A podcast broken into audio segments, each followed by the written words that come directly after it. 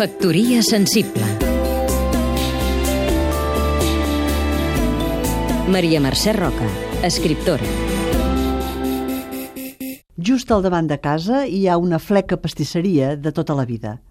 Un dia ens va sorprendre veure-hi, en un racó, una tauleta rodona, tipus taula camilla, amb llibres a sobre. Ens van dir que podíem agafar els que volguéssim. A partir d'aleshores, anar a comprar el pa té un al·licient més, que és remenar els llibres, agafar-ne algun i deixar-ne algun altre.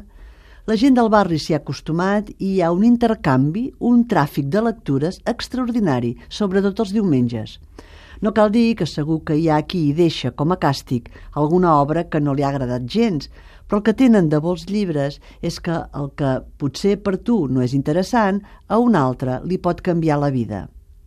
Una iniciativa semblant, a una altra escala, és la de Connexió Papirus, una entitat de Salrà sense ànim de lucre. L'Ajuntament els ha cedit un espai del Centre Cultural La Fàbrica i els responsables, que són tots bibliotecaris, accepten donacions de particulars i de biblioteques i excedents d'obres de les editorials que han de ser guillotinades, donen segones oportunitats als llibres i busquen nous lectors.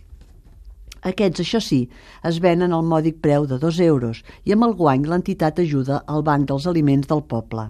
Aquest és el plus. Són llibres, doncs, que es converteixen en menjar, llibres generosos que alimenten i no només l'esperit. Factoria sensible Seguim-nos també a catradio.cat